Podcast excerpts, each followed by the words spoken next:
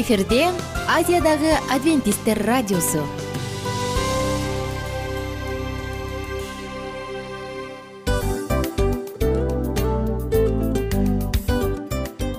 Достор салют. Баардык сүйүктүү угармандарыбызга салам айтабыз. Кутман күнүңүздөр менен. Ден соолук өмүрдүн булагы демекчи саламат саамы программасында баарыңыздарды көргөнүбүзгө абдан кубанычтабыз. Анда алгач амандашып өтөлү арбаңыздар деп. Ден соолугуңуздар кандай элибизде көбүнчө ден соолук кандай дегенде эле жакшы деп жооп беребиз э? ооруп турсак дагы жакшы дейбиз. Анан мен муну айтып ойлойт элем бул абдан сонун сөз депчи анткени бул жакшы деген үмүт да э ооба баары жакшы болот. Баары сонун. Деп үмүттөнүп атып эле өзүбүздү өзүбүз дарылап коебуз.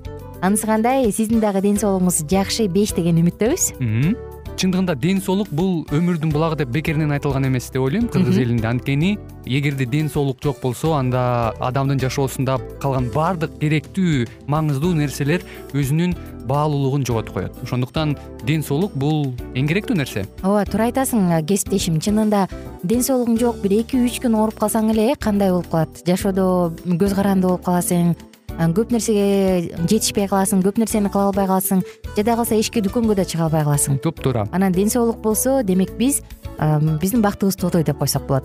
Анда достор саламат рубрикабызды баштайлы. Алдыда өзүңүзгө керектүү болгон сонун кеңештерди уга аласыздар. Мына ошондуктан биз менен бирге болуңуздар. Ал эми биз болсо милан жана айнура. Кеттик алга. Алга саламат саама ден соолуктун жарчысы. Саламат саама ден соолуктун ачкычы. Күн сайын сиз үчүн мыкты кеңештер сонун жаңылыктар кызыктуу фактылар биздин рубрикада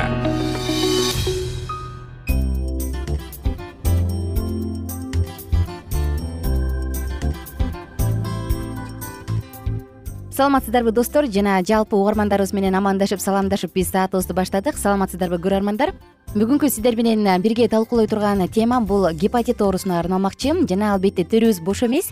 Бүгүн биздин конокторубуз бар. Дал ушул жаатта бир нече жылдардан бери эмгектенип элибиздин калкыбыздын саламаттыгы үчүн кам көрүп келген. Анда эмесе конокторубуз менен тааныша кетсек эжекебиз номур сегизинчи үй бүлөлүк медицина борборунун жугуштуу ооруларды дарылоо боюнча инфекционист врачы токтогожоева алтын мусаевна саламатсызбы? Жана бишкек шаарынын мамлекеттик санитардык эпидемиология көзөмөлдөө борборунун дарыгер эпидемиологу казиев балгарт казиевич саламатсызбы? Кандайсыздар маанайыңыздар кандай? Ден соолугуңуздар жакшыбы келе жаткан өтүп кеткен майрамдарыңыздар менен. Рахмат бирге болсун анда биз бүгүн жалпыңыздар менен жогоруда айткандай эле гепатит оорусу жөнүндө сөз кылалы деп турабыз. Анан гепатит оорусун бул жашыруун жаналгыч деп да коюшат эмеспи кимдир бирөөнүкү симптомдору дароо байкалса кимдир бирөөнүкү билинбейт. Бирок тилекке каршы менде жаңы маалымат жок. Сиздер азыр алдыда айтып берет болушуңуздар керек. Эки миң он тогузунчу жылдагы маалыматтарга караганда кыргызстанда алты жарым миң адам гепатит а оорусуна чалдыкканы айтылган анан өкүнүчтүүсү алардын сексен жети бүтүн ондон төрт пайызы он төрт жашка чыга элек балдар болсо он эки бүтүн ондон алты пайызы чоң адамдар экени айтылат анда гепатит а б с д е түрлөрү жөнүндө алдыда кененирээк айткандан мурун жалпы эле гепатит оорусу деген бул эмне келиңиздер ушул жөнүндө сөз кылбайлыбы. Эжеке алтын мусаевна сизге болсун гепатит оорусу жөнүндө жалпы маалымат бере кетсеңиз. Гепатит бул кыргызчасы сарык оорусу деп э, айтылат. Бул оорунун түрлөрү бар. А гепатити өзүңүз айтып кеткендей б с д е гепатити бизде кыргызстанда азыркы кездерде учурда кездешет десек болот. Эми бул гепатиттердин а гепатити э гепатити энтеральный деп коет ошо ооз аркылуу жуккан оору кесел болуп эсептелинет. Ал эми калгандары болсо б с д гепатити болсо парентеральный гепатит делет дагы. Ал жанагы ийне уколдор аркылуу предмет обиход деп коет ошо колдонулса бирөөлөр ооруп калса ошону колдонулгандан жуккан оору болуп эсептелинет. Алдыда оорулардын түрлөрү жөнүндө кененирээк сөз кылалы микрофонго бир аз жакыныраак отуруп алсаңыз сураныч негизи эле бул эмне деген оору? Кайсы органды жабыркатат? Ушул жөнүндө айтып берсеңиз. бул сарык оорусу эң биринчи эле боордо болот. Боордудо ошол өзгөрүүлүк алып келет да. Өзгөрүү деген кандай? Эми острый болгондо бул оорулардын түрлөрү бар деп айтпадымбы? А гепатити гепатити курч оорусунда ооруулат дагы. Анан ошол убакта боордун Э, түзүлүшүндө клеткалары өлүп э, аябай көп өлүп кетсе оор акыбалга туш келип калышы мүмкүн да. Жакшы. Эки миң онунчу жыл жаңы башталса дагы балким статистика жаңыргандыр статистикага таяна кетсек азыркы бизде кандай маалыматтар бар эки миң онунчу жылдын башкы учурларына карата? Э, бул сарык оорусу азыркы тапта иштелип жатат. Биздин бишкек шаардык санитардык эпидемиология көзөмөлдөө борбору бул боюнча тыгыз байланышта үй бүлөлүк медициналык дарыгерлер борбору менен иштеп жатат. Азыркы маалда жакшы жакшы иштер жүрүп жатат. Жалпысынан калктын канча пайызы же болбосо бир жылдын ичинде канча адам ооруга чалдыгып канчасы айыгып атат кандай маалыматтар бар бизде?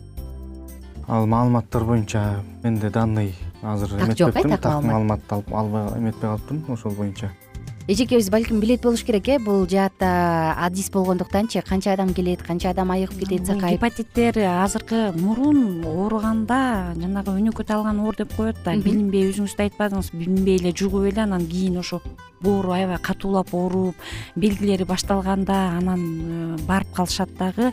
Дарыгерлерге ошол жерден анан билинип калат бул билингени э, кандай болду? Мурун эпид номер буларга алынчу эмес. Азыр болсо аябай көзөмөлгө алганына байланыштуу көптөрү э, жана дагы приказ боюнча э, боюнда барлар дагы сөзсүз түрдө учетко турганда обследоваться этип атышат гепатит б сга ошондуктан алар мындай көп акыркы жылдары көп болгондой болуп сезилип атат да.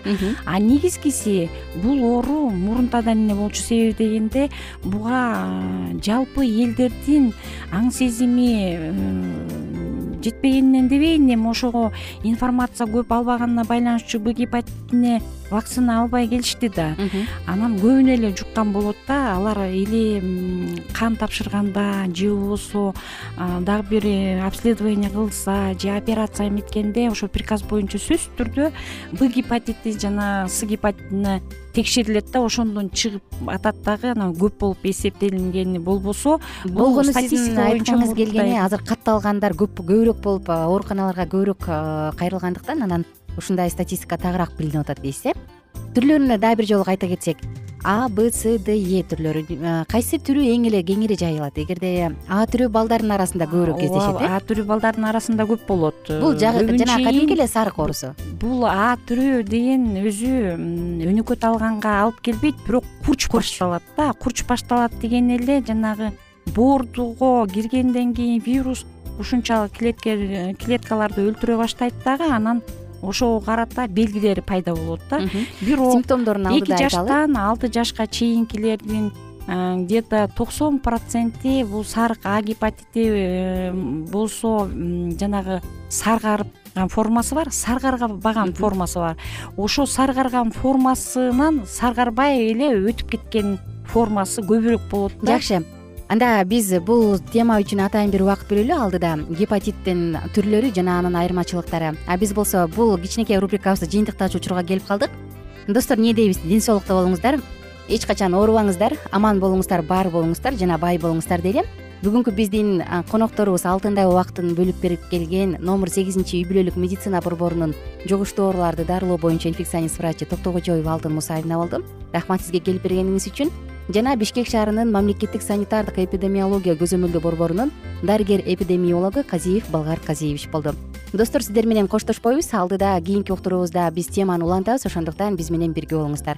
Жалпыңыздарга кааларыбыз эң биринчи байлык ден соолук. Оорубаңыздар эгерде жогоруда айтылган оору сиздин жакындарыңызга же сиздин башыңыздан бир учурда өткөн болсо сөзсүз түрдө маалыматты жакшылап алып алыңыздар. Анткени эгерде биз маалымдама маалымдарган болсок анда демек куралдангандай болот эмеспизби кайрадан амандашканча. Саламат саама ден соолуктун жарчысы. Саламат саама ден соолуктун ачкычы. Күн сайын сиз үчүн мыкты кеңештер сонун жаңылыктар кызыктуу фактылар биздин рубрикада. Салют замандаштар баарыңыздарга ысык салам.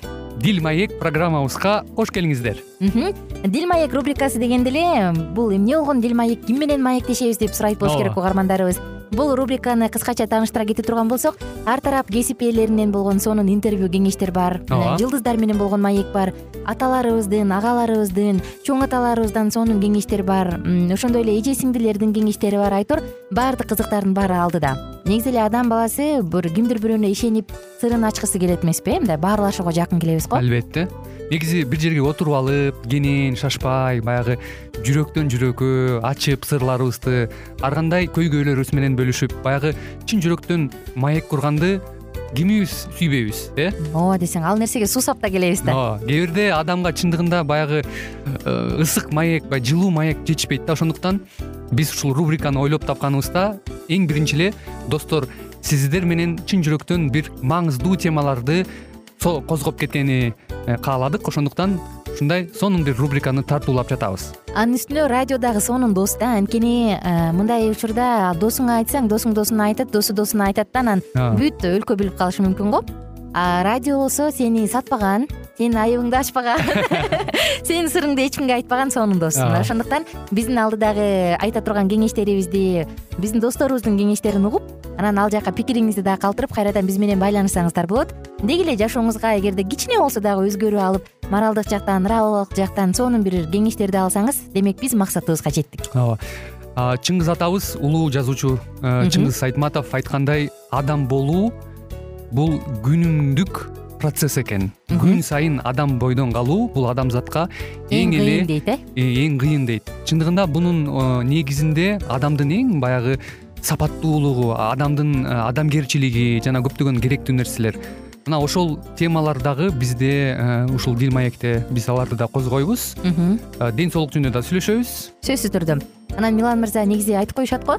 Э, биз көбүнчө эмнени ойлонсок? Ошол нерсеге карата иш кылабыз го? Ооба. Анан анысы кандай? Балким бул радио баракчада кимдир бирөөнүн оюн текшергенге жардам берет кимдир бирөөнүн жүрөгүн текшергенге жардам берет балким кимдир бирөөгө жашоонун маңызын тапканга жардам берет айтор кызыктын баары алдыда бул жөн гана кыскача жарнама анда угармандарыбыздын баардыгын кийинки рубрикабызга чакырабыз. Ал эми кызматта маңдайымда отурган кесиптешим милан жана мен айнура. Анда эмесе биз даярдаган терең терең ойлор менен таанышууга кеттик. Алыс алыс баралык.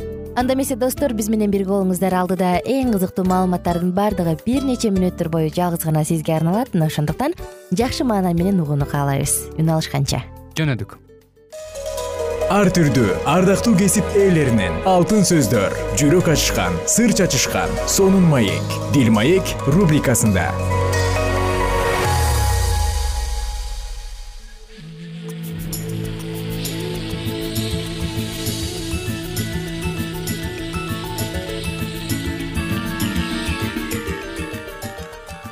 кутмандуу күнүңүздөр менен кымбаттуу радио угармандарыбыз кайрадан эле сиздердин назарыңыздарда биздин ободо жаңырып келе жаткан бактылуу никенин баалуу эрежелери аттуу программабызда кездешип жатканыбызга өтө кубанычтабыз.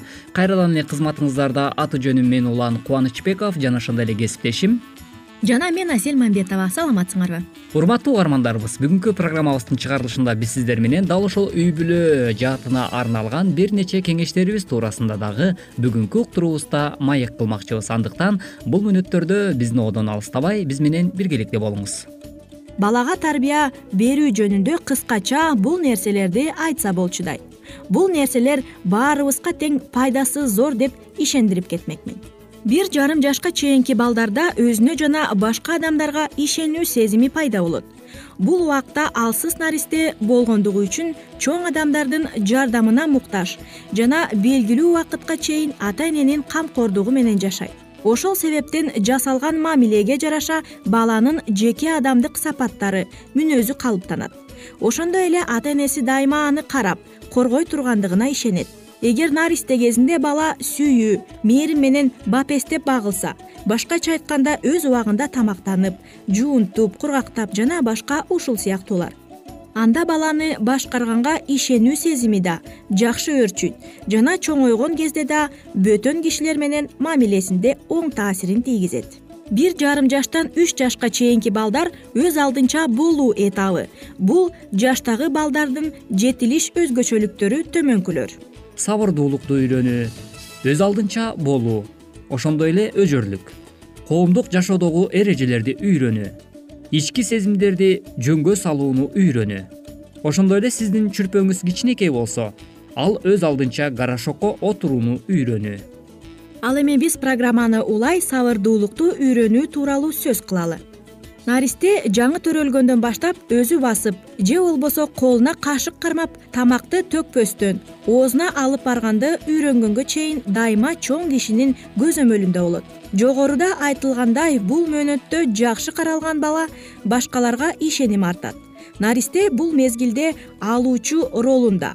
Бир кыйынчылык пайда болсо ошол замат чечилүүнү каалайт. Күтүүгө чыдамы жок болот баланын каалаган нерсеси ошол замат аткарыла турган болсо кийин чоң болгон мезгилде кыйынчылыктарга чыдамы жок жана сабырсыз болуп калуусу мүмкүн. Бир жарым жашка чыгып калган бала аз да болсо кээ бир иштерди жасай алгандыктан күтүүнү да үйрөнүүсү керек. Эгерде ата эне кичинекей кезинен жакшы карап ишенимине кирген болсо анда кыска убакытка күттүрүп коюу сабырдуулукту үйрөнүүсүнө жардам берет бала аларга ишенгендиктен күтүп жаткан убакта ачуусу келип ыйлабастан сабыр кылат. Ошондой эле өз алдынча болууну үйрөнүү. Наристе жашоосунун эң алгачкы айларында ата энесинен бөлөк жашай албайт жана ата энеси бөбөктүн бир органы сыяктуу туюлат. Себеби каалаган нерсени ошол замат аткарылгандыктан бөбөккө өзү жасап жаткандай сезилет бирок бир жарым жашка келип калган бала дүйнөгө башкача көз караш менен карай баштайт. Жана ата энеси жок болсо өзү жашай албастыгын түшүнөт. Бөбөк дагы эле чоң адамдын ажырагыс бир органы сыяктуу. Бирок тилекке каршы чоң адам баланы бир мүчөсү эмес кааласа кетип калат келбей коет. Ушул нерселерди байкаган бала ара жолдо калат. Орточо бир жарым жашка чыккан балдар жакшы эле баса алат туалет муктаждыктарын сезе турган булчуңдар өөрчүй баштайт. Балдар бир жарым жаштан баштап жыйырма төрт отуз отуз үч жана отуз алты айлык болгондо жөндөмдүүлүктөрү артып баштайт. Тамагын өзү жейт горшокко отурат ботинкаларын кийет ата энесинен узагыраак жерде оюн ойнойт жана башка балдар менен мамиле курат. Булардын баардыгы баланын алсыздык сезимин өзгөртөт. Ошондуктан жок мен өзүм жасайм. Аны эмес тигини каалайм деген сыяктуу сөздөрдү жана ушул сөздөрдүн маанисин берген кыймыл аракеттерди жасоого баштайт.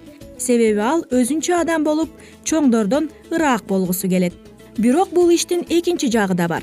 Бул мезгилде бала мындай нерселерди да ойлонот. Ооба мен эми алсыз эмесмин. Ата эне чоң адамдардан башкачамын. Өз алдынчамын. Бирок мындан ары тамакты өзү жей алат ботинкасын кие алат деп жакындарым мага мурункудай көңүл бурбай койсочу. Ошондуктан мен эң жакшысы бөбөк бойдон калайын. Колумдан келсе дагы алар жедиргиси кийгизгиси ошентип дайыма мени менен алектенсин көңүл бурсун. Бул мезгилде балдар өжөр болушат. Өздөрү да жасагысы келет чоңдорго да жасаткысы келет. Чоң болуу же кичинекей бойдон калуу экөөнүн ортосунда калышат бул ар бир баланын башына келе турган табигый жетилүү процесси болуп эсептелет. Бул мезгилде чоңдордун милдети сабырдуу жана мээримдүү болуу. Баланын өзүнүн колунан келе турган иштерди дайыма көмөк көрсөтүү. Балдарга дүйнөнү таануудагы аң сезимине жараша мамиле жасоо керек. Мисалы эгер бала кашык кармай алса анда өзү тамак жей алат тамакты сиздин жедирүүңүздү кааласа дагы чындыгында өзү жеген учурда аны мактап сыйлык берүүңүздү жакшы көрөт. Ошондуктан сабырдуу болуу шарт ушул мөөнөттө чоңойбостон бөбөк бойдон калуудан баш тартып чоңоюуну тандаган балдар кийинки мезгилдерде дагы кыйынчылыктарга туш келгенде качуунун ордуна аны менен күрөшүүнү тандайт эгерде сиз балаңарга чоңоюунун убагы келгенден кийин бул сиздин ага болгон мээрим. Алакаңызды жок кылбай турганын тескерисинче кубанта турганын өзүңүздүн чечкиндүү жүрүм турумуңуз менен көрсөтө аласыз. Анда балдар чоңоюуну тандашат мына ошентип урматтуу угармандарыбыз дал ушул эрежелерди жашооңузда аткаруу менен биргеликте биз келечекке татыктуу муундарды тарбиялоодо өзүңүздүн чоң салымыңызды кошо берген болот экенсиз. Ардактуу айымдар жана мырзалар ушуну менен бизге бөлүнгөн убактыбыз дагы өз соңуна келип жетти. Кайрадан эле биз сиздер менен бактылуу никенин баалуу эрежелери аттуу программабызда кезишкенче ар бириңиздердин үй бүлөңүздөргө ынтымактыкты кааламакчыбыз келэрки уктуруудан кайрадан ободон үн алышканча сак саламатта болуңуз ар түрдүү ардактуу кесип ээлеринен алтын сөздөр жүрөк ачышкан сыр чачышкан сонун маек дил маек рубрикасында. Жан дүйнөңдү байыткан жүрөгүңдү азыктанткан жашооңо маңыз тартуулаган жан азык рубрикасы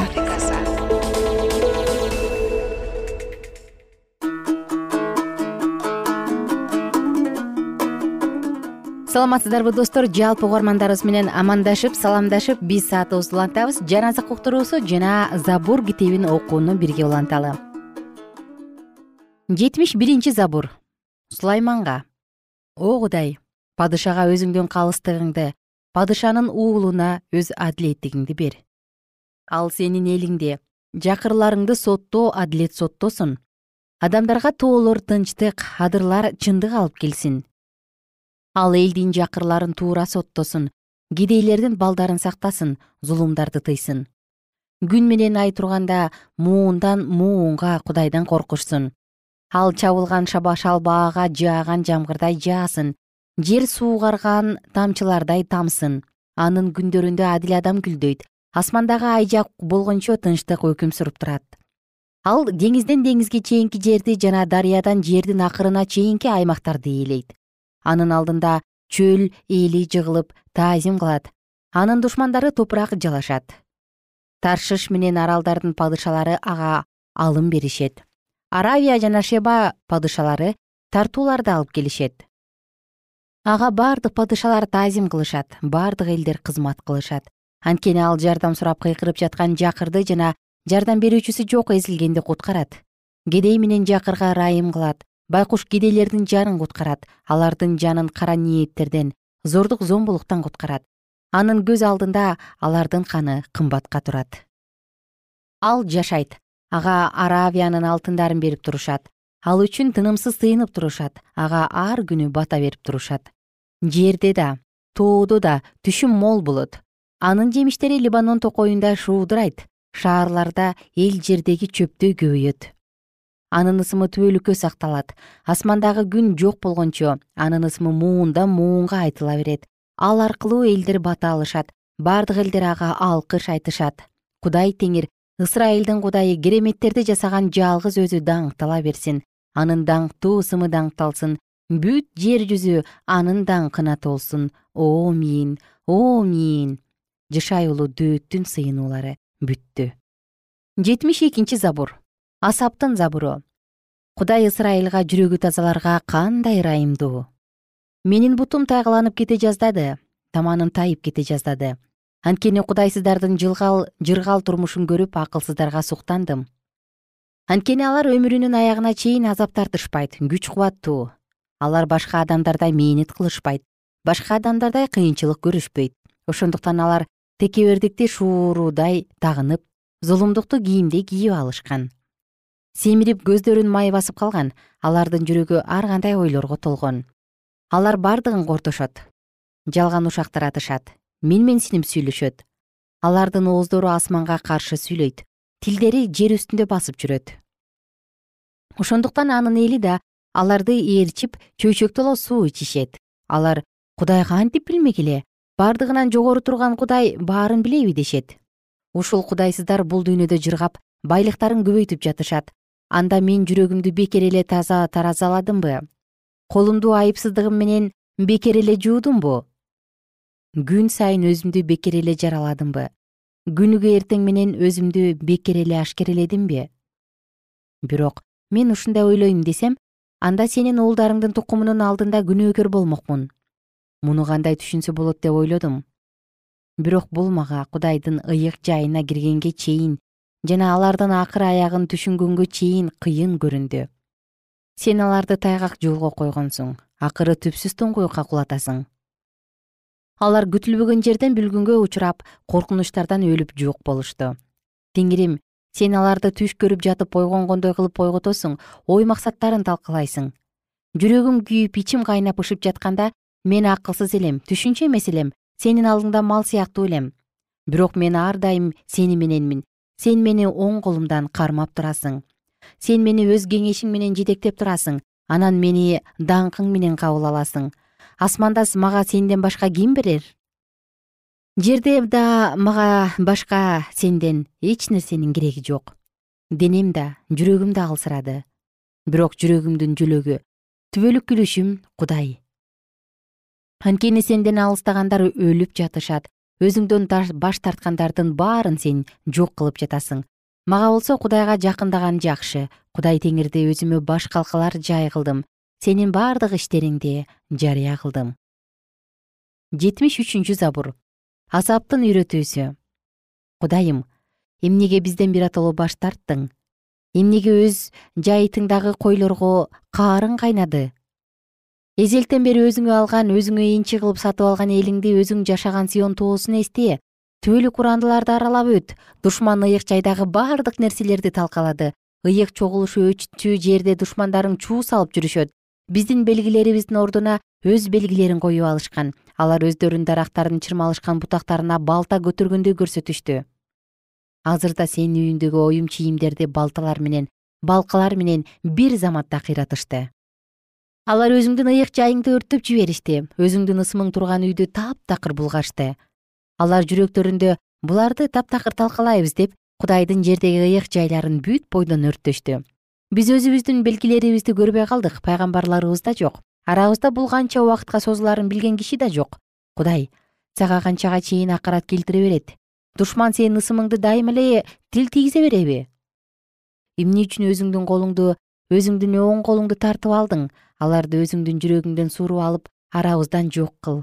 Кудайым жер ортосуна куткаруу алып келген кылымдардан берки падышам өз күчүң менен деңизди бөлдүң суудагы жылаандардын баштарын талкаладың сен лебиатандын башын талкалап чөлдөгү адамдарга тамак кылып бердиң булак чыгарып өзөндөрдү агыздың шаркырап аккан дарыяларды суулуттуң.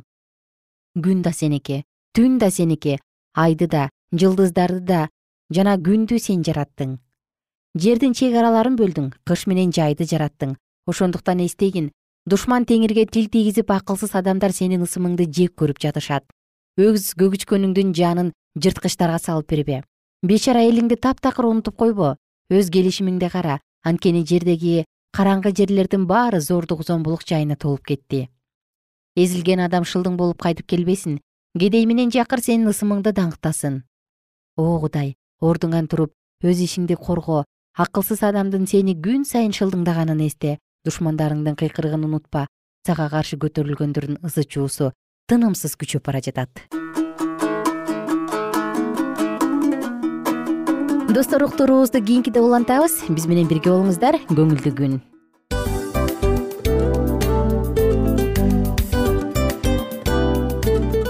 Мына ушинтип убакыт дагы тез өтүп кетет экен. Биз дагы радио уктуруубуздун аягына келип жеттик келип кубандырдыңар эми кетип кубандыргыла деп тамашалап калышат эмеспи? Анысы кандай? Радио баракчабызды программабызды азыр эле баштап аткандай болдук элек. Мына соңуна келдик э? Негизи убакыт э, билинбей өтүп кетет экен? Мен дагы э, убакыт дегенде бүгүн бир адам менен сүйлөшүп калдым. Анан убакыт бул мүмкүнчүлүк деп айтып өзүмө өзүм айтып алып анан мага өзүмө эле кайра ачылыш болду да чын эле э Э, карап отурсаң ошол эле жыйырма төрт саат ошол эле жарым саат кайталанып атат.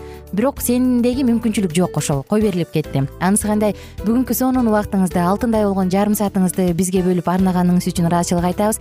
Анан жашооңуздун кайсы бир сферасын өзгөртө турган сонун пайдалуу кеңеш алган болсоңуз анда биз максатыбызга жеттик. Анан ушул нерсени кылбасам десеңиз ошол өзгөрүүлөрдү кичинекей кадамдардан баштап иш жүзүнө ашырыңыз дагы жашооңузда чоң чоң ийгиликтерге жетиңиздер чын жүрөктөн ар бир берилген кеңештер сөздөр сиздерге пайдасын алып келет деп ишенебиз жана кийинки уктурууларда сөзсүз түрдө чыдамсыздык менен сиздерди күтөбүз. Сагынычтуу салам айтып кайрадан дал ушул жыштыктан баардыгыңыздарды тосуп алганча. Кызматта мен айнура жана кесиптешим милан. Анда кол каалайбыз жалпыңыздарга ийгиликтүү күн. Саламатта калыңыздар